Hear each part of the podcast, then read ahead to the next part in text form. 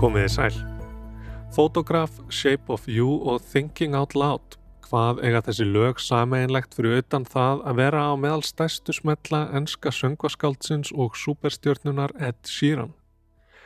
Jú, einhverjir vilja meina að hann hafi alls ekki samið þessi lög, heldur stólið þeim. Og ekki bara einhverjir, heldur höfundarlagana sem Sheeran er vændur um að hafa stólið stælt og líkt eftir og hafa lögsóttan fyrir vikið. Þegar aðeins vikaðar í að ný plata síran komi út og stórt og mikið tónleikaferðalag um Norður Ameríku er við það að hefjast, er síran fastur í dómsal í New York til að verja heiður sinn. Ballaða sírans Thinking Out Loud þykir of lík lægi Marvin Gaye, Let's Get It On. Tímamóta lægi sem markaði línutnar fyrir smúð sól tónlistarstefnuna og stemplaði Gaye inn í vitund heimsins sem kynntákn. Tónlistar yðnaðurinn fylgist svo grant með gangi mála en það hefur atvikum sem þessum farið fjölgandi síðastliðin áratug og spurningar vaknað um hversu mikið eða lítið af verkum dægurlega höfunda, höfundaréttur vendar. Línutnaðar á milli innblástus, stælingar og stuldar hafa færst til og tónlistarfólk því útsettara fyrir lagsóknum af þessu tægi. Ég heiti Snorri Rafn Hallsson og þú ert að hlusta á þetta helst. Helst í dag eru hjartaknúsarinn Ed Sheeran, höfundaréttardeilur og óskýrar línur. Ed Sheeran þarf vart að kynna. Allar plötur hins vinalega 32 ára söngora hafa farið á toppin í Breitlandi. Þær hafa selst í meira en 150 miljón eintökum á aðeins réttrúmum áratug og tónleikaferðalag hans sem hófst árið 2017 til að fylgja eftir plötunni Divide er það stærsta í sögunni. Þegar síran hafði við komið hér á landi 2019 seldust 20.000 miða upp á örskot stundu og stemningin á lögadalsvelli var vægast sagt góð.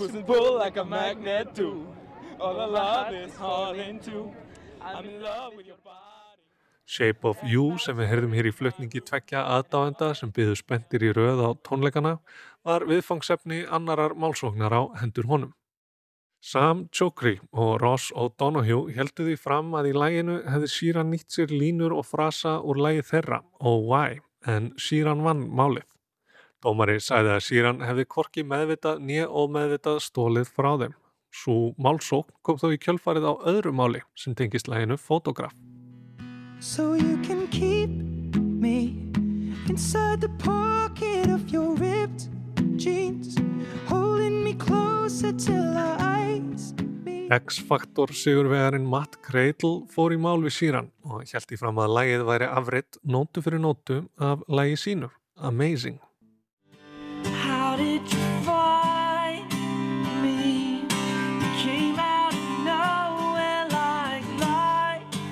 Málið var útkljáð utan domstóla og höfundum Amazing bætt við höfundalista fotograf. En síran saðist sjá eftir þeim málalektum Hann hafi samið að ráði lögfræðinga sinna sem sögðu það ekki vandraðana veriði að verjast. Þetta snýrist ekki um peninga en hafði áhrif á samband síran við lagi sitt. Hann spilaði það ekki í langan tíma á eftir og sagði að þetta hefði opnað á flóðgáttir lögsókna. Til að mynda hvað var það Shape of You og svo núna Thinking Out Loud. Deilan stendur á milli síran og Amy Wedge sem samt í lagið með honum annars vegar og hins vegar erfingjum Ed Townsend upptökustjóra Marvin's Gaye sem samti Let's Get It On með honum. I'm here for justice, protecting my father's intellectual properties and all I'm expecting is his name to be honored and his work and his legacy. Ég er hér fyrir réttlæti til að venda hugverk föðu míns og það eina sem ég vænti er að nafn hans verði heiðrað, verk hans og arfleifð sagði Catherine Griffin Townsend, dóttir Ed Townsend. Ég slóa þráðinn til Guðrunar Bjarkar Bjarnadóttur, framkvæmda stjóra Stefs, félaga samtaka tón og texta höfunda á Íslandi og spurði hvað höfundaréttur nær utanum og hvað þurfi til að lag teljist stólið. Já, þetta er góð spurning. Höfundarétturinn getur í rauninni náð til alls. Það er kannski svona að tala um að maður þekkir eitt lag inn í öðru lagi, þá sé hugsanlega að komi einhvers konar brot á höfundarétti.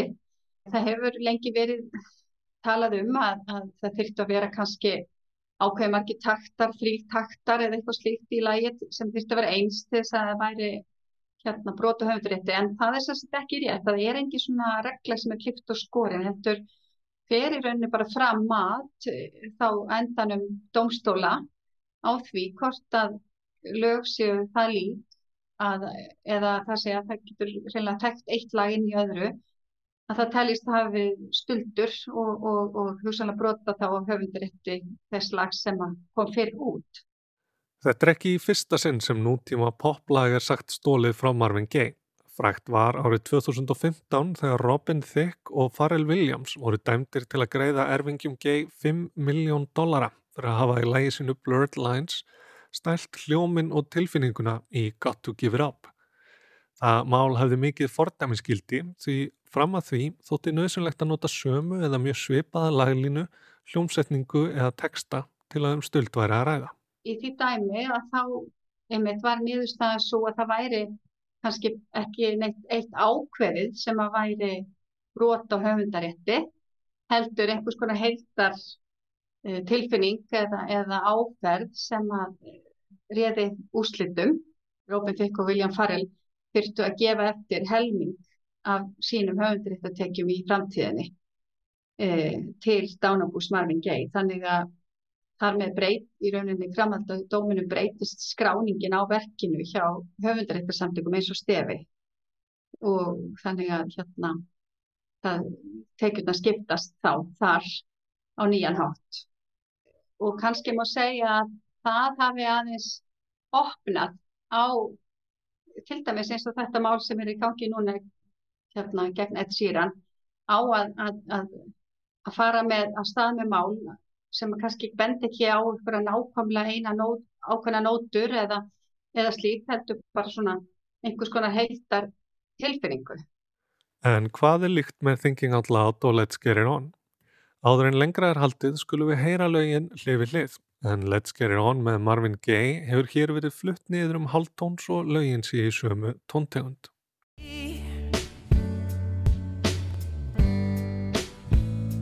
Baby man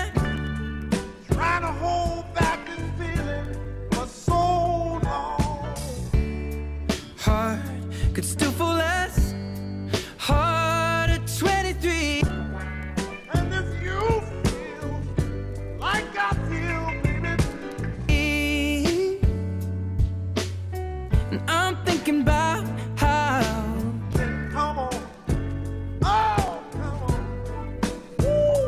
Hraði lagana og trommutakturinn eru nákvæmlega eins. Hljómagangurinn nokkuð svipaður en laglínan ger ólík. Rögg síran og lagfræðinga hans eru að lögin séu jú lík en að enginn geti átt þessar grunn einingar tónlistar. Lögin deili svipuðum hljómagangi sem ekki er hægt að venda og standi öllum lagahöfundum til bóða. Síran hafði þetta einni á orði eftir að málið um Shape of You vannst. Whilst we're obviously happy with the result, I feel like claims like this are way too common now and have become a culture where a claim is made with the idea that a settlement will be cheaper than taking it to court, even if there's no base for the claim. Á sama tíma að við erum ánæðir með útkomuna finnst mér eins og svona ásakanir sé að verða allt of algengar. Það er orðin til menning þar sem kröfur eru gerðar vegna þess að það er ódýrara að semja um málinn en að fara með þau fyrir domstóla, jafnvel þótt kröfurnar séu til hefur lausar. It's really damaging to the songwriting industry. There's only so many notes and very few chords used in pop music. Coincidence is bound to happen if 60,000 songs are being released every day on Spotify. That's 22 million songs a year and there's only 12 notes that are available. Þetta hefur neikvað áhrif á lagahöfundabransan. Það eru bara svo og svo marga nótur og mjög fáir hljómar notaðir í dægulega tónlist. Tilviljanir munu eiga sér stað þegar 60.000 lög koma út á Spotify á degi hverjum. 22 miljón lög á ári og það eru bara 12 tónar í skalanum. Þetta sæði síran í yfirlýsingu á Instagram. Og Guðrún Björg segir þetta gild rög. Og það hefur verið nefnt í, í fleiri dómsmálum að, að e, sem, sem rauk til dæmis að, að jú, ok, hugsanlega er lægið mitt líkt þínu lægi en bæði lögin eru kannski lík hérna þessu þjóðlægi sem kom út einhvern tíma fyrir löngu síðan. Þannig að var, þetta er alveg gild rauk að, að, að sína fram á það að allt þetta er, er þetta nú kannski svolítið svipað af einhverju leiti. Vegna þess hvernig höfundaréttalög voru í bandaríkjanum árið 1973 þegar Let's Get It On kom út er það aðeins það sem stendur á nótnablöðunum sem nýtur vendar, hljómatnir, tekstinn og sönglínundar. Tónlistar sérfræðingar síran benda á að vinsæl lög eins og Georgie Girl með Seekers og Hurdy Gurdy Man með Donovan hefði notað sama hljómagang áður en Let's Get It On kom út. Og þau hafa einnig lagt fram kennslubók í gítarlegg þar sem segir að þetta sé hefðbundin hljómagangur sem allir tónlistamenn geti notað til að semja lög. Lögfræðingar Townsend segja hins vegar að jafnvel þótt hljómatnir séu í almanna eign er það hvernig þeir eru notaðir í Let's Get It On og samstiltur taktur lagsins sem eru nægilega einstök til að njóta vendar. En það getur verið erfitt að sína fram á það. Ég held að almennt sé, sé svolítið á brattan að sækja þessu málum en, en þegar við erum fann að tala um svona heimsfræg lög og svona stóra listamenn eins og kannski eitt síran þá er jú kannski eftir meir og slægast og og við komum til í að taka meiri áhættu og fara frekar í, í, í mál en við sjáum hérna hjá okkur að það kemur mjög reglulega upp uh, svona einhvers konar ábendinga til stefs eða, slíkt uh, oft í tengslu við Eurovision um að, að þetta lag sé líkt heimnu eða eitthvað, eitthvað slíkt. Og okkar meðlemi leita líka til okkar af og til vegna svona mála. Og við erum með yfir að skipa matsnemt hérna sérfræðinga í tónlist sem þá geta, er hægt að kalla til og þeir geta gefið raukstuðt álit sitt, svona tónlistarfræðilegt álit, hvort það séu líkindi með, með við komum til lögum og það er oft svona fyrsti, fyrsta skrefið er að, að, að með slíkta álit í höndunum þá getur þá við komum til ákveðið, hefur borgað sér fyrir mig að, að fara eitthvað lengra með þetta máli eða, eða, eða ekki. Blurred Lines flækir málinn svo því það sama átti að gilda í því tilfelli. Hviðdómur átti bara að bera saman nótur en ekki hvernig lögin hljómuðu. En fyrir einhver mistök það voru nú lögin samt sem það spilið í réttasalunum þegar einhverja af þessu tólistafræðingu gaf skýslu. En við getum auðvitað sagt okkur það sjálfa að sjálfsögur voru þau öruglega búin að hlusta á þessu lög bara fyrir utan, utan réttasalinn. Kviðdómur og svo áfríunaréttur komist að þeirri niðurstöðu að um höfundaréttabrót væri að ræða án þess að benda á neitt ákveðið. Líkindin væru bara veruleg. Dómarar áfríunaréttar voru þó ekki allir sammála og skilaði einnin sér áliti. Og, og sá sem var ósammála, mér benda það að þetta í rauninni þýðir það að þeir eru búin að opna á þetta allt saman. Þeir eru búin að taka þetta allt inn í, inn til skoðunar og, og ekki benda á neitt eitt og, og ég held að það það með hafi svolítið síðan opnað þessa, þetta Pandoru boks og kannski sjáum við er þetta mál núna með síran kannski ein aflegging af því sko. Í máli síran voru bæði lögin spiluð í domsal en með þeim fyrirmælum að fólk skildi ekki dansa við þau. Og hvati lögfræðingur Townsend fjölskyldunar Ben Crump sem áður fór með mál fjölskyldu George Floyd hviðdómara til að beita almennri skinnsemi að auki lægi fyrir ansi sannfarandi sönnunagögn, þessi hérna.